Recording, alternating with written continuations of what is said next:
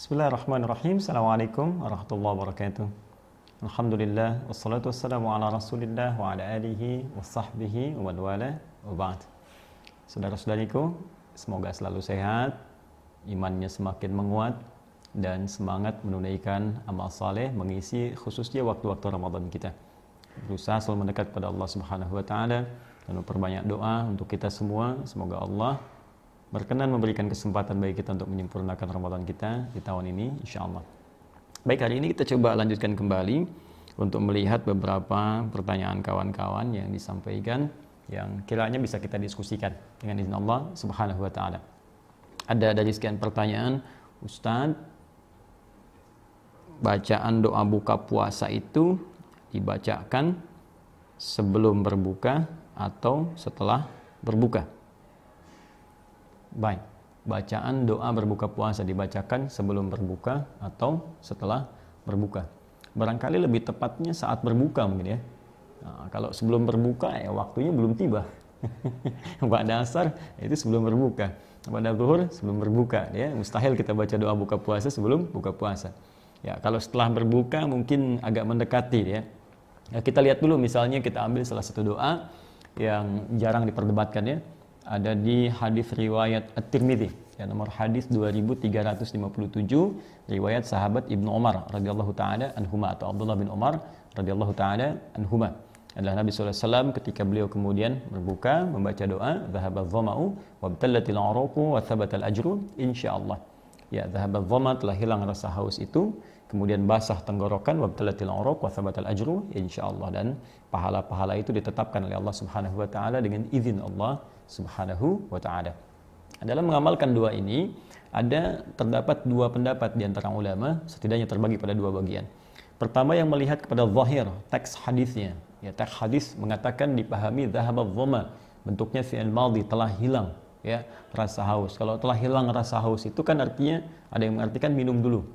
Ya, karena sebelum minum hausnya masih ada. Kemudian ketika kemudian minum maka hilanglah kemudian dahaga itu. Telah hilang dahaga artinya minum dulu, baru kemudian dahaga itu hilang.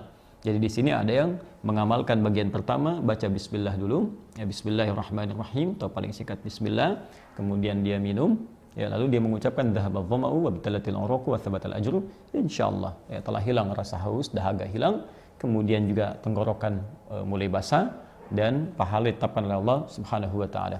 Setelah itu dia bisa mencicipi ya, beberapa kurma, ya, satu atau tiga kurma. Lantas yang terbaik kemudian dia berdoa kembali kepada Allah Subhanahu Wa Taala.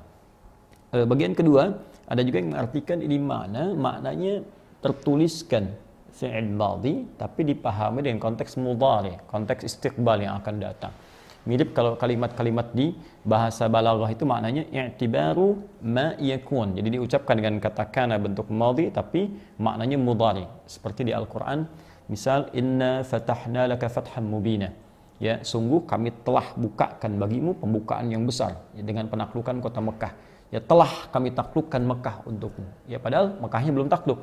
Nah, ini bahasanya ungkapannya berbentuk madhi tapi sifat ini bentuknya mudhari Ya, kalau diartikan di terjemahan, sungguh kami pastikan kepadamu Mekah akan ditaklukkan. Kami akan taklukkan Mekah untukmu.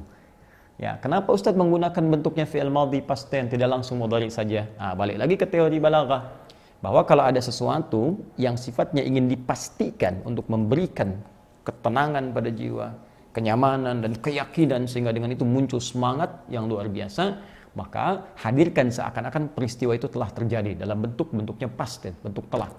Di seakan-akan Allah yang katakan, hei penaklukan Mekah itu pasti saya berikan kepadamu. Saya akan buka Mekah untukmu.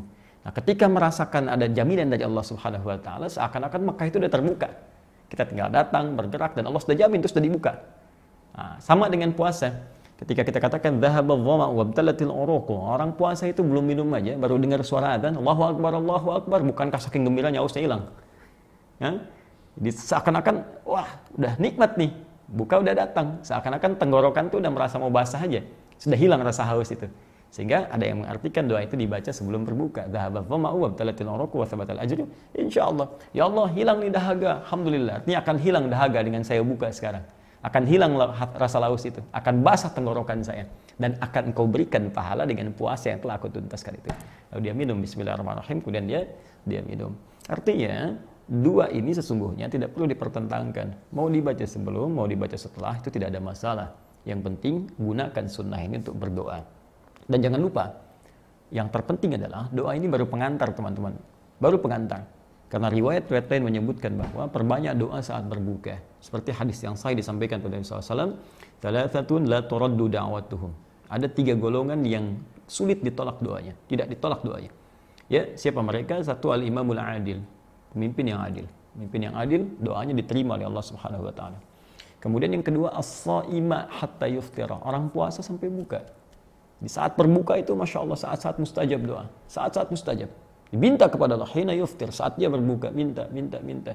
Jadi ketika anda katakan wasabatal ajru insya Allah, pahala akan diberikan oleh Allah ajrun. Nah maka ada dua jenis pahala yang diberikan oleh Allah untuk orang puasa. Ya, yang pertama dan dua-duanya menggembirakan, memberikan kegembiraan orang puasa. Yang pertama mengabulkan doa yang dia mohonkan, yang kedua memberikan pahala puasa saat tiba di akhirat. Dua ini. Makanya di hadis lain dikatakan farhatani dua kegembiraan untuk orang puasa. Lisaimi farhatani. Bagi orang puasa punya dua kegembiraan. Farhatun hina yuftir. Ya, yang pertama saat dia berbuka. Kenapa dia berbuka gembira? Salah satunya karena doanya langsung diterima oleh Allah Subhanahu wa taala. Dan yang kedua, ketika dia datang di hari kiamat, Allah berikan pahala-pahala puasa yang melimpah baginya. Karena itu, jangan terjebak dengan persengketaan apakah sebelum buka ataukah setelah kemudian berbuka. Ya, yang penting adalah bacakan doa itu, lalu perbanyak doa minta kepada Allah. Ya Allah, berkahi puasa saya. Terima puasa saya. Karena kita tidak tahu apa yang kita lakukan apakah diterima atau tidak oleh Allah. Ya Allah, berkahi keluarga saya, berkahi rizki saya. Ya Allah, mohon berikan kemuliaan kepada saya. Ya Allah, berikan kemuliaan kepada keluarga-keluarga saya. Nah, ini yang kemudian kita perbanyak untuk memohon kepada Allah Subhanahu wa taala.